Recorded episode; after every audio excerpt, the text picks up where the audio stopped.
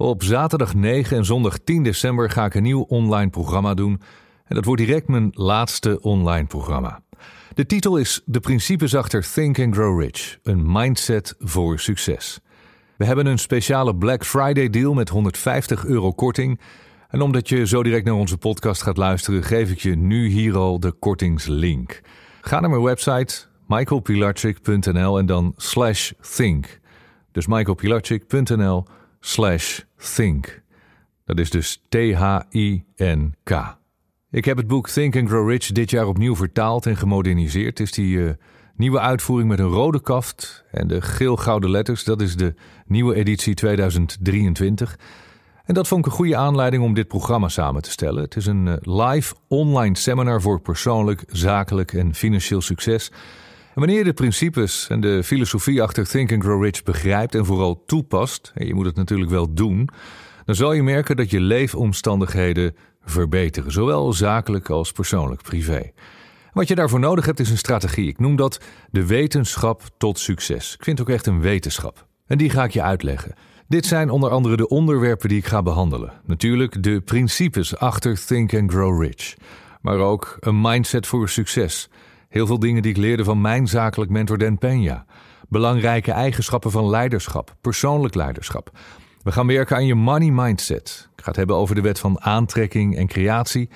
Wat je moet doen, waar je op moet letten als je een succesvolle business wil opbouwen. En hoe je een vrij leven kunt creëren. En verder gaan we ook alvast vooruitkijken naar 2024, want ik doe dit seminar op 9 en 10 december. Hè, dan is het al bijna 2024. Mooie tijd om even terug te kijken naar het afgelopen jaar. Wat heb je gedaan, wat heb je niet gedaan, wat had je willen doen en wat zijn je plannen en je doelen voor volgend jaar 2024. Vooraf en tijdens het seminar kun je vragen stellen aan mij en aan mijn financieel zakenpartner Alco van der Bree. Die is ook eh, hier in de studio aanwezig. En samen zullen we zoveel mogelijk vragen voor je beantwoorden. Zaterdag 9 en zondag 10 december dus van 11 uur ochtends tot ongeveer 6 uur middags live online. En als je nu boekt, ontvang je 150 euro Black Friday korting. Ga naar mijn website michaelpilarchik.nl slash think. En ik beloof je twee waanzinnig inspirerende dagen. En dan nu veel plezier met onze Leef je mooiste leven podcast. Welkom bij de Masterminds podcast. Je hoort me wel eens zeggen, als je goed naar me luistert en doet wat ik zeg, dan is er een grote kans dat je in staat bent om jouw mooiste leven te gaan leven. En dat zijn niet alleen maar mooie praatjes, ik durf namelijk zeer stellig te beweren dat het ook echt zo is. En waarom weet ik dat zo zeker? Omdat er in de afgelopen acht jaar 40.000 mensen hebben meegedaan met onze programma's. En als reactie daarop hebben we duizenden reviews en berichtjes mogen ontvangen. En vaak met hele mooie persoonlijke verhalen. Vandaag het bijzondere verhaal van Joey Bone. De verwachting was dat er nooit iets van hem terecht zou komen, maar hij bewees het tegendeel. Hij is een van de meest bekende tattooartiesten van Nederland, Tattoo Joey. En vandaag dus in de Masterminds podcast, Joey Bone. Ik denk wel de, de bekendste tattoo king van, van Nederland op dit moment. Ik denk dat ik dan niet uh, echt overdrijf, toch? Ja. ja. Als ik heel veel mensen zie die bij jou komen, die, uh, nou, dat zijn wel heel veel bekende mensen. Um, en als ik zie wat jij maakt, dan denk ik van wauw, ik vind dat zo knap. Ja, dankjewel. Leuk om te horen. Dus ja, ik, ik noem jou gewoon de, de, de tattoo king. Um, daar is een hele lange weg aan vooraf gegaan. Want mensen die denken dan altijd van... Uh, wauw, wat, uh, wat doet die gast dat goed? En al die bekende Nederlanders en al die artiesten die komen bij hem. Die staan ook op je site. Het is geen geheim als ik dit roep. Mm -hmm. Ja, dat klopt. En jij deed mee afgelopen jaar met het Roadmap-programma. Ik ben met een aantal mensen aan het praten van... Uh, wat was nou de reden dat je, dat je daaraan meedeed? Wat heeft het programma je gebracht? Waar sta je nu? En dat, dat zou ik ook graag van jou willen weten. Wat, wat was voor jou de de overweging om mee te gaan doen met dat programma? Waar kwam je tegen eigenlijk? Nou, ik, uh, ik denk dat ik zoals veel ondernemers wel een hele zware tijd achter de rug heb gehad na de coronatijd. En uh, om mezelf niet te verliezen, uh, ben ik wat meer gaan lezen. Mezelf, ik kon toch niks doen. Dus in plaats van uh, alleen maar mijn tijd te voldoen aan films uh, kijken en gamen en dat soort dingen, ben ik gewoon wat meer gaan lezen. Om, om straks weer gewoon volop terug te gaan. Als ondernemer krijg je gewoon te maken met obstakels. En dat hoort er gewoon bij. En weet je, je kunt ze ook gewoon gebruiken om ja, om die obstakels te gebruiken om een stap verder te gaan, weet je. Als, als stepping stone, maar zo te zeggen. En zo had ik het gevoel ook in, uh, in de coronatijd. Ik moet uh, aan mezelf werken. Dat is de beste investering die ik nu op dit moment kan doen. En toen ben ik veel gaan lezen. En uh, waaronder een van jouw boeken. En dat sprak me zo enorm aan. De Think and Grow Rich. En het, dat, dat, dat was voor mij weer iets waarvan ik, ik, ik, ik moest weer denken aan wat ik vroeger, toen ik een jaar of, wat was ik denk de 12 en de 14, dat ik The Secret voor het eerst had, uh, had gezien. En uh, ja, ik, ik, het bracht me weer in die vibe. En ik vond het mooi en ik, ik werd er gelijk weer vrolijk van. En ik denk, ik ging in plaats van heel erg zwaar denken, vond ik alles eigenlijk weer mooi. En toen ben ik weer meer gaan doen. Toen heb ik ook een Master Your Mindset gelezen. En ik ging steeds meer. Ik ging me helemaal weer uh, eigenlijk gooien en verdiepen in, in, in dit soort onderwerpen. En eigenlijk in, in, in mezelf trainen, in mijn, in mijn mindset trainen. En, uh, nou, gewoon na die coronatijd, toen zat ik weer eigenlijk in zo'n dip. En ik had uh, ja, een hele zware obstakels gehad van tevoren. En het was een beetje een finale klap. En uh, toen ben ik daarna weer een beetje eruit geprobeerd te komen. Ook weer gaan lezen. En toen zag ik jou, uh, jouw roadmap. En toen dacht ik, weet je, om, ik, weet het, ik weet gewoon hoe het is om, om, om in die flow te zitten. Om er lekker daarmee bezig te zijn. En ik denk, ik ga dit gewoon doen. Ondanks dat ik misschien al best wel veel van dat soort dingen heb gedaan. Dus het, kan no het kan nooit slecht zijn. En ja, voor mij was het weer echt lekker weer een openbaring om ja, om weer door te gaan, weet je. Om weer nieuwe ideeën uh, op te doen en uh, een andere denkwijze over bepaalde handelingen bijvoorbeeld. Hoe je op mensen reageert en hoe ik met mezelf moet omgaan. Met mijn gezin. En ik, ik, vond, ik vond de flow fijn, ik vond de verhalen fijn. En ja, dat, dat is eigenlijk een beetje de, de, de reden en, en, en wat daaruit is gekomen. Als ik je helemaal even mee terugneem uh, naar toen je nog veel kleiner was, mm -hmm. de, de, jonge Joey. Um, toen was er een hoop gedoe in jouw leven. Ja, klopt. Ik weet, daar ben je ook een boek over aan het schrijven op dit moment. Zou je ons uh, en alle luisteraars die er nu bij zijn, kort mee kunnen nemen naar uh, dat moment? nou ja, toen jij klein was en dat er ontdekt werd eigenlijk dat, dat jij niet helemaal was zoals alle andere jongens.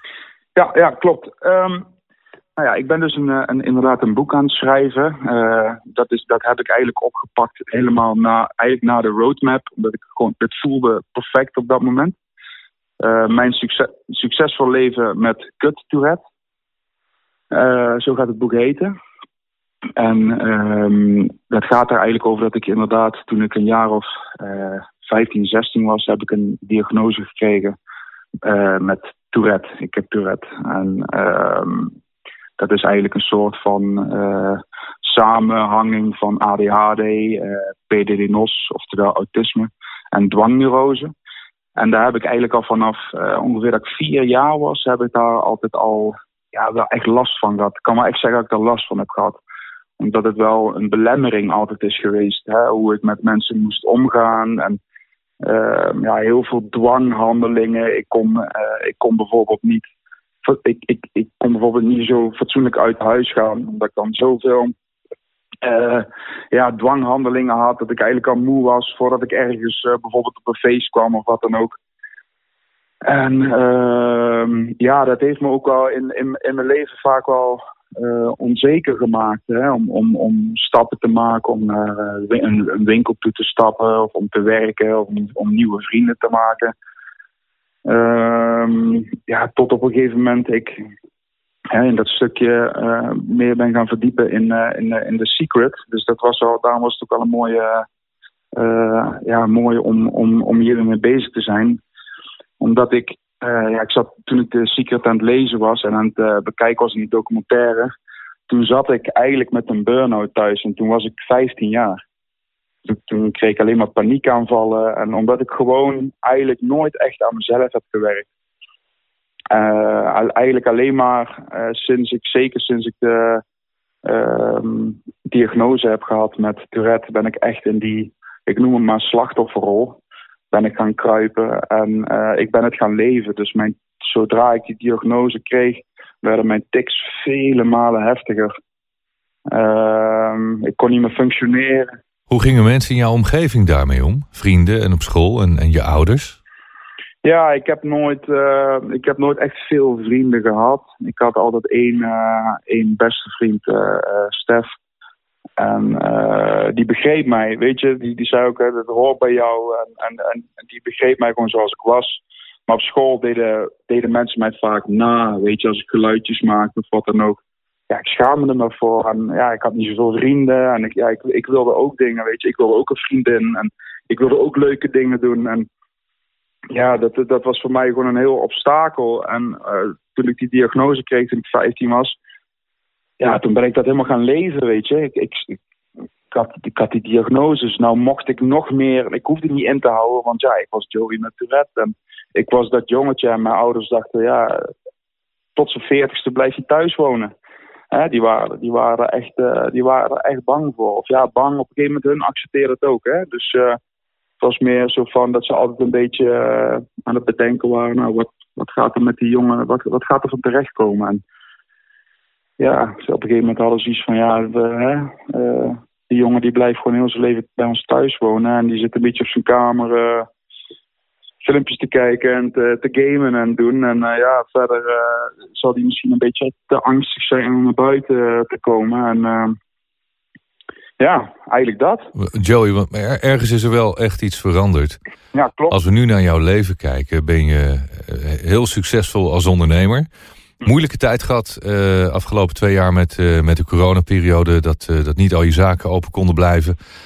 Um, tattoo shops hebben we het over dan. Ja. want je had, je had eerst drie zaken, toen moest, toen moest je terug naar één zaak. Je, ja, je, klopt. je moest dicht. Ja, ja. Dat was ook die moeilijke periode waar je het net over had? Ja, het, begon, het was eigenlijk, uh, begon eigenlijk van tevoren al, weet je, gewoon met, uh, met uh, ja, ik was natuurlijk 19 toen ik begon met tatoeëren en de shop begon te openen. Ik was zo jong. En ze, er waren al wat dingen wat speelden en ik kreeg, het, het ging zo hard en ik, had, ik was nog nooit een keer tegen een muur aangelopen. En ja, maar, moment... maar, maar, Joe, nee, wacht even, voordat je verder gaat, neem ons even terug, want je was 15. Je kreeg die, die diagnose, het ging niet goed. Ja. Waar, waar, is, waar is dat keerpunt geweest? Waar heb jij die beslissing genomen van ja, ik ga het anders doen? Want als we nu naar je leven kijken, dan is het, is het wel totaal anders en ben je heel succesvol. Dus er moet iets belangrijks veranderd zijn. Ja, ik, ik denk dat het toch dan is geweest in het stukje in, uh, in, in uh, The Secret. Ik heb altijd iets in mij gehad. Uh, wat, waarin ik, als ik iets interessant vond, dan ging ik daarvoor duizend procent voor. Ik kon, ik kon niet stoppen.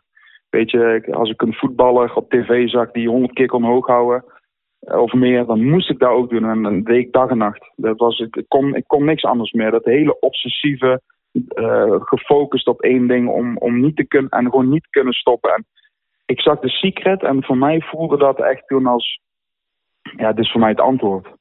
Je kunt gewoon dingen met je gedachten. En ik ben daardoor ook echt met mijn gedachten mijn Tourette gaan negeren. Gewoon echt gewoon compleet proberen te negeren. En uh, ik denk dat dat voor mij een soort van twist in mijn leven gaf. Waardoor ik binnen een jaar eigenlijk uh, zo goed in mijn vel zat dat ik voor mijn gevoel ook echt alles aankom. Want ik ben, daarna, ik ben daarna een sociaal werk gaan doen. Ik ben in de verpleging gegaan. En uh, dat heb ik tot de derde leerjaar gedaan. En toen ben ik gaan tatoeëren. Uh, oh, waar kwam dat idee van tatoeëren vandaan? Nou, ik heb eigenlijk altijd getekend. Bij mij begon het al vroeg. Uh, in, bijvoorbeeld ging ik op vakantie naar Spanje. En dan zag ik allemaal getatoeëerde mensen. En mijn ouders waren zelf ook getatoeëerd. En uh, dat vond ik zo interessant. En dan ging ik mezelf ook helemaal vol plakken. Hè? Helemaal met tattoos en zo. Bij mij was dat meteen niet één. Maar ik moest gelijk helemaal arm vol plakken.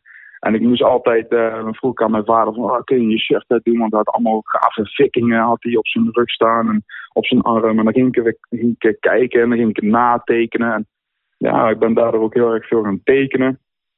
Dus de, interesse is er altijd geweest. Ik was, ik was ook 15, toen kreeg ik mijn eerste tattoo dat is ook een beetje dat obsessief gewoon altijd iets, één ding heel gaaf vinden. Dat was eigenlijk dat. Dat heb ik altijd super gaaf gevonden. Toen ben jij dus zelf gaan, gaan tatoeëren, ben je daarmee begonnen. Maar je, je moet dat ergens geleerd hebben ook. Ja, en dat was eigenlijk dus het ding. Ik vond het altijd gaaf. Uh, ik wilde het eigenlijk al doen toen ik een jaar of 15, 16 was. Wat ik eigenlijk daarna ben gaan doen, is ik heb gewoon zo'n setje gekocht. Ik ben een beetje gaan oefenen. Ik heb gewoon heel goedkoop voor 70 euro heb ik uh, een setje gekocht en er zat alles erbij, alle benodigdheden. Nou ja, dat was, dat was gewoon echt prutspul van plastic.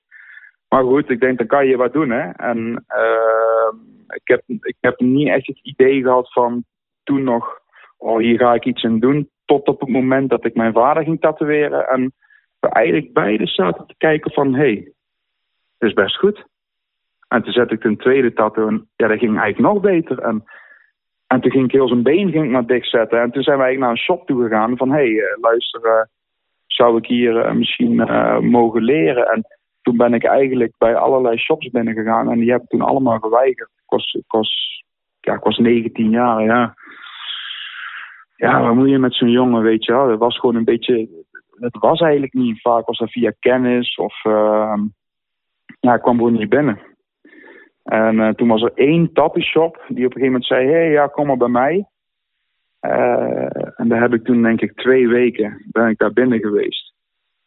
En daar, waren zoveel rare praktijken dat ik denk, oh, daar wil ik helemaal niet tussen zitten. En toen was er wat gebeurd. Toen ben ik weggelopen, ben ik op mijn scooter gestapt. Heb ik mijn ouders gebeld, heb ik gezegd, ik ga weg. En toen hebben hun gezegd, en dat was, als ik daar nu weer aan denk, dan, krijg ik daar weer kippenvel van. En zei weet je wat je doet? Begin maar voor jezelf. Dat was zo raar. Maar mijn ouders die hebben ook later gezegd van, luister, wij dachten dat je je hele leven thuis zou wonen. Dus wat je ook zou doen, wat maakt het uit of het nou wel zou werken of niet zou werken? Alles wat je nou doet, is al fantastisch. Alles wat je nou meer doet, is al fantastisch.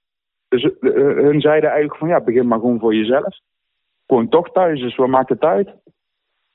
En toen ben ik gewoon voor mezelf begonnen. Ah, had je een voorbeeld? Had je, had je idolen? Had je, had je iemand tegen wie je opkeek toen je, toen je begon? Ja, ik had wel, dat was al pas wat later, had ik wel wat, wat, wat mensen waar ik tegen opkeek. Maar ja, weet je, toen ik begon, toen wilde ik heel graag Japans tatoeëren. Ja, goed, ik denk voor de, voor, zeker voor de luisteraars die mij kennen, ik maak absoluut geen Japans. Want ik maak eigenlijk alleen maar realisme en ik focus me vooral op portretten. Maar ik heb nog nooit in mijn hele leven realistisch getekend voordat ik ging tatoeëren. Het is echt, het is gekomen van dat ik weer ging tatoeëren, weer dat obsessieve focussen, alleen maar YouTube-filmpjes kijken, oh, uh, afspraken maken bij andere tatoeëerders, uh, of ze mij een tattoo konden zetten. En dan ging ik heel erg goed meekijken wat ze dan deden. En dan, dan uh, ging ik vragen of ze wat tips wilden geven of wat dan ook. Ja, ik was er helemaal mee bezig. Ik ging echt, ik ging echt op YouTube ging kijken naar hoe tatoeëerders tattoos aan het maken waren. En ging kijken naar een handbeweging waarom ze dan eh, precies zo'n beweging maakten. En ja, dat vond ik prachtig, weet je. En ik ging, ik ging zo snel. Het, het, het, het ging zo ontzettend snel op het begin al. Uh, en ja, toen kwamen er mensen die zeiden van ja, kun je bij mij iets eh, realistisch zetten? En ik zei gewoon overal ja tegen. In plaats van dat ik zeg van nou ja, ik moet overal angstig voor zijn. Ik denk ja, ik ga het gewoon doen. Weet je, altijd maar tegen mezelf zeggen, weet je, ik kan het gewoon. Ik ga, ik, ik ga, er is geen plan B. Er is alleen maar A. Ik ga alleen maar tegen mijzelf zeggen dat er alleen maar een plan A is en het gaat me gewoon lukken. Weet je, zijn er tattoo shops die zetten geen portretten omdat ze dat niet, dat ze dat niet aandurven. Dat was dat gemiddelde, eigenlijk gewoon alle shops in Nederland, of, of laten we zeggen 98% niet deden waren portretten. En ik dacht, weet je wat, ik ga gewoon portretten zetten. Ik ga dat gewoon doen. En uh, ik, ik, ik, ik, ga zo, ik ga het gewoon mooi maken. En nou zijn mijn eerste portretten echt niet mooi, maar ik heb het wel gedaan. En doordat ik het altijd heb gedaan, heb ik wel, heb ik wel zeg maar een punt kunnen bereiken waardoor mensen, ja, waardoor ik superveel portretten kan zetten. En ieder portret moet weer beter zijn en weer beter en weer beter. En dit heb je allemaal zelf aangeleerd? Ja.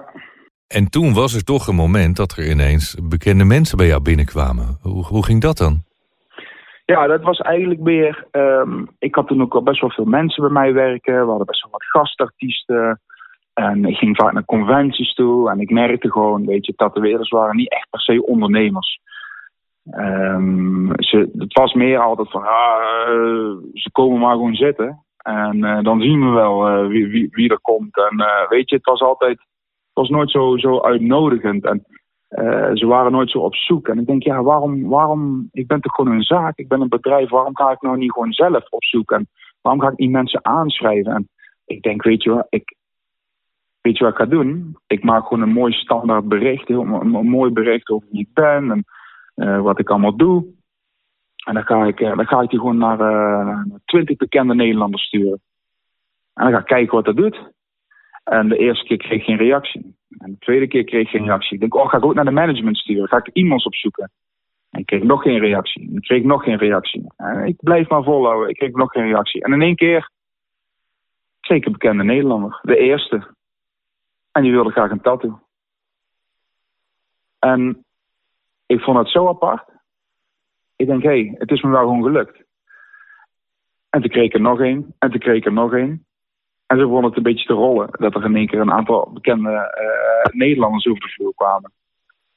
En toen dacht ik, ja, dit is gewoon puur gewoon volhouden geweest. Gewoon om, om, om ja, mijn mindset op, op, op één ding te zetten. En ja, goed. Uh, um, ja, om, om, Het is zo'n mooi verhaal, eh, Joey.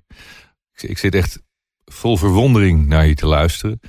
Ik ken het verhaal natuurlijk een beetje, maar toch, als je het nu weer vertelt, denk ik van wauw, wat is dit? Als ik je namelijk zo hoor praten, dan denk ik, je doet alles, of je deed toen alles wat ik in mijn boek schreef, in Master Your Mindset. Alles wat ik mensen uitleg in al mijn programma's, ook in het Roadmap-programma. Maar jij deed dat allemaal al vanuit jezelf. Hè? Dat geloof in jezelf, dat niet opgeven, focus, doorzettingsvermogen. Ja, ja kijk, dit, dit is gewoon... Het doen, hè, in actie komen. ik vind het zo knap van je. Ja, op een gegeven moment is het ook, je, je, je merkt het. En, en, en, en het leuke is ook, hè, voor de roadmap. Ik begon de roadmap bij jou en ik had, ik had als doel, en het, ik weet niet of ik je dat toen al had geschreven had gezegd, maar het leuke is, uh, mijn vrouw weet het, mijn vader weet het. En mijn, mijn doel was, ik ga hoe dan ook, ga ik jou spreken. Ik ga jou, ik ga jou persoonlijk spreken. En het is me wel gelukt, want het, het was op een of het, voelde voor mij om jou gewoon om jou uh, uh, persoonlijk aan te spreken. En ik merkte gewoon weer van ah, dat, dat, dat lukt me. En dit, dit, zijn elke keer keren van. van hè, klinkt misschien stom hè, om dat dan zo tegen jou te zeggen. Maar het is meer van. Als ik mijn gedachten op iets zet, als ik iets stuur en als ik iets, iets graag wil, als ik iets echt voel dat ik iets heel graag wil, uh, dat het me dan lukt. En, ja, we, weet je zelf eigenlijk waardoor dat gelukt is? Wat, wat, wat de reden is geweest dat, dat jij bij mij in de uitzending kwam toen, hè, in het Roadmap-programma? Um, ja, ik. ik uh... Misschien even uitleggen voor mensen die luisteren die geen idee hebben waar we het over hebben. Wij doen tijdens het uh, Roadmap-programma, dat een, uh, een aantal weken duurt, doen we live sessies. En we beginnen altijd met een lang live online programma. Dat duurt 2,5 dag. Dus dan, dan sta ik hier in mijn studio, waar ik nu ook ben. En dan heb ik een heel groot scherm voor me. Dan kan ik alle deelnemers zien. En af en toe doe ik dan ook één op één gesprekken met mensen. Als er eh, vragen zijn of als, als iemand zijn hand opsteekt of ik wijs iemand aan en ik stel vragen. Um, en uit al die mensen, er deden volgens mij afgelopen jaar, ik weet niet meer precies, maar iets van drie, drieënhalfduizend mensen mee. Ja. Uh, haal ik er een paar uit. En een van die mensen was jij. Ja. En bij deze uh, wederom gedeeld. Want het, het is gewoon een, een ja, zo'n inspirerend verhaal. Als, als we nu eens even naar jouw leven kijken. Uh, je bent helemaal gelukkig met je vrouw. Um, hebben jullie één kind? Nee, ik heb er drie. Je hebt er drie inmiddels? Ik heb er drie, ja. ja. Drie kinderen, ja. Dus je, je, hebt gewoon een super mooi, gelukkig gezin. Ja. Uh, zakelijk gaat het allemaal weer helemaal goed. Uh, je hebt je leven volledig uh, op de rit, maar ook volledig onder controle. Want ik heb wel heel erg het gevoel dat jij de sturende kracht bent en het gebeurt ook zoals jij dat wilt. Waar ik dan benieuwd naar ben, want dat heb ik nog niet aan je gevraagd. Wat heb je dan nog uit dat programma gehaald het afgelopen jaar? Ja, ik heb, wat, wat ik uit het programma heb gehaald, is dat ik, dat ik zie dat um, hoeveel mensen hier eigenlijk mee. Um, hoe, hoeveel mensen eigenlijk uh, dit soort dingen nodig hebben. Hè, wat, wat, wat, wat, jij, wat jij biedt aan mensen. Hè, wat voor kennis je deelt met mensen. Wat je, hoe, hoeveel mensen er eigenlijk vastzitten in een soort, ja, ja hoe noem je het, hokjes denken. Hè, dat, ze, dat ze bang zijn om, om buiten dat hokje te denken. Om altijd maar uh, te doen wat hun is opgedraagd. En angstig zijn en van, van, van loon naar loon leven. En, uh, ja, ik zou graag dit willen doen, maar dan moet ik dit maar opgeven. En ik, ik, ik vond het zo indrukwekkend als ik ook andere mensen verhalen hoor. Dat ik denk, sommigen leven gewoon echt voor mijn gevoel in een gevangenschap. Terwijl in de roadmap heb, leer je dan echt hoe mooi juist het leven kan zijn. Hoeveel mooie dingen je kunt doen. En dat je totaal niet in een hokje hoeft te leven en dat je echt alles kunt doen wat je maar wil. Tuurlijk zijn er beperkingen, maar de grootste beperking ben jezelf. En dat is iets wat ik voor mij echt in de roadmap uh, heel duidelijk heb meegekregen en nogmaals duidelijk heb meegekregen om, ja, om echt te focussen op vooral jezelf. Heb jij daar nog doelen en dromen op dit moment? Want je bent nog steeds heel erg jong. Ik hoor alleen maar hele mooie dingen. Je bent natuurlijk het boek aan het schrijven. Maar zijn er verder nog dingen dat je zegt van ja... Hoe ziet jouw mooiste leven eruit? Dat is een mooie vraag. Ja, ik denk, ik denk wat, ik, wat voor mij het mooiste leven is... is dat ik... Een, een, een, een, hoe moet ik dat gaan zeggen? Een, een vrije en jonge geest altijd mag blijven houden. Dat ik nooit op, opgesloten raak in mijn eigen gedachten. En dat ik altijd uh, ruimdenkend ben om, om alles te kunnen doen. Als ik zin heb om op vakantie te gaan, dat ik kan zeggen, ik ga nu op vakantie met mijn gezin. Als ik zin heb om geen tattoo meer te zijn, maar gewoon een bakkerij te openen, dat ik gewoon denk, hé, hey, ik heb twaalf jaar lang een tattoo gehad en daar verdien ik uh, goed geld mee. Maar ik heb nu zin om een bakkerij te openen. Dat ik dat gewoon ga doen. En dat ik geen limieten opleg. En dat ik altijd weet om nieuwe doelen te stellen. Want een doel voor mij is wel heel belangrijk. Ik heb, wel, ik heb echt een doel nodig om, uh, om te leven eigenlijk. Echt een, een zonder doel leven voor mij. Dan, dan is het klinkt heel stom, dan is het bijna, ja, dan is het echt doelloos, weet je. Dan is het, het, voelt het nutteloos. En uh, dat, ik, dat, dat geeft me ook die drive om, om, om door te gaan. Maar ik heb, ik heb, ik heb, geen, uh, ik, ik heb geen bijvoorbeeld uh, financiële doelen. Uh, voor mij is een financiële doel is een gevolg van een, een goede stap gezet te hebben voor een, een, zakelijke stap of wat dan ook. Het is, een gevolg, het is meer een resultaat. ik, ik, maar ik, zet een, ik zet een doel om, om volgend jaar bij wijze van spreken met 20 tatoeëerders te zitten. Dan is het resultaat natuurlijk dat het financieel vooruit gaat. Maar dat, is, dat zal een financieel doel, hè, dat ik bijvoorbeeld, ik moet een miljoen hebben of zo, dat zal nooit mijn doel zijn. Maar altijd een doel hebben om, uh, ja, om ergens naartoe te werken. En, en, en, en dat halen, dat vind ik prachtig. Dat, dat, dat, ja, daar, daar krijg ik zoveel energie van. Tot slot zou ik je willen vragen, als jij een advies mag geven, en je hebt er denk ik al heel veel gegeven, maar als je een advies mag geven aan, aan de mensen die nu luisteren, mhm. en die horen jouw verhaal van eh, van een mannetje van 15 die eigenlijk was afgeschreven, waarvan, laten we zeggen, de samenleving had gedacht, dat wordt nooit wat. Die, die gaat zeker tot zijn veertigste zitten gamen op zijn kamer, die, die gaat nooit een baan vinden, dat wordt niks in onze samenleving.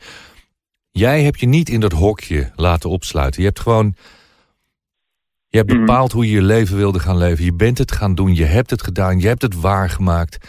Je, je bent, wat ik al zeg, een waanzinnig voorbeeld. Maar wat zou jouw advies zijn? Je, je stapt even in mijn schoenen. Wat, mhm. zou, wat zou je graag willen vertellen tegen andere mensen? Ik zou graag willen vertellen, focus op jezelf. Investeer in jezelf. Kruip uit, een, uit je slachtofferrol.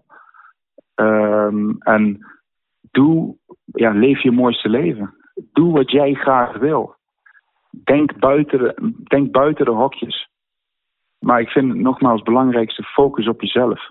Laat niemand zeggen. Laat dat, dat klinkt soms heel egoïstisch voor mensen. Focus op jezelf. Ja, klopt. Maar dat betekent niet dat jij niet heel veel tijd steekt uh, in je kinderen... dat je heel veel leuke dingen met je kinderen, met je vrouw doet. Dat bedoel jij niet? Nee, dat bedoel ik niet. Nee, dus echt het, echt het focus op jezelf. Kijk, weet je, als jij als je een droom hebt om, om uh, nogmaals... ik noem maar gewoon even als voorbeeld... je wil een bakkerij openen. En dat is jouw droom. En jij gaat je droom uit onzekerheid met heel veel mensen delen. Dan zullen al die mensen daar een mening over hebben. Maar wat je niet weet is dat die meningen allemaal gevormd zijn, ook weer uit hun jeugd, uit hun ervaringen, uit hun misschien trauma's of wat dan ook. Waardoor ze altijd gaan zeggen van ja, maar zul je dat wel doen? Ja, maar dit, ja, maar dat. Er zijn zoveel. Hè, negen van de tien die zullen zeggen dat je het niet moet doen. Maar wat nou, wat nou als het wel lukt? Maar wat nou als het wel lukt? Wat nou uh, als je het wel doet en je, je leeft daardoor, je gaat daardoor iets doen wat je prachtig vindt? Ik denk dat, daar, dat je daar alles voor moet opgeven, voor mij persoonlijk. Ik denk dat dat een hele mooie boodschap is voor, uh, voor iedereen die luistert. Goh, ik, uh, ik ben ook weer enorm geïnspireerd door je verhaal. Dank je wel. Mooi om te horen. Ik wens je alle goed met, met alles wat je gaat doen. Met alles wat je aan het doen bent. Natuurlijk met je kinderen, met je vrouw. En ik denk dat wij elkaar uh, zeker nog wel een keer gaan spreken. Dankjewel, Joey. Dankjewel.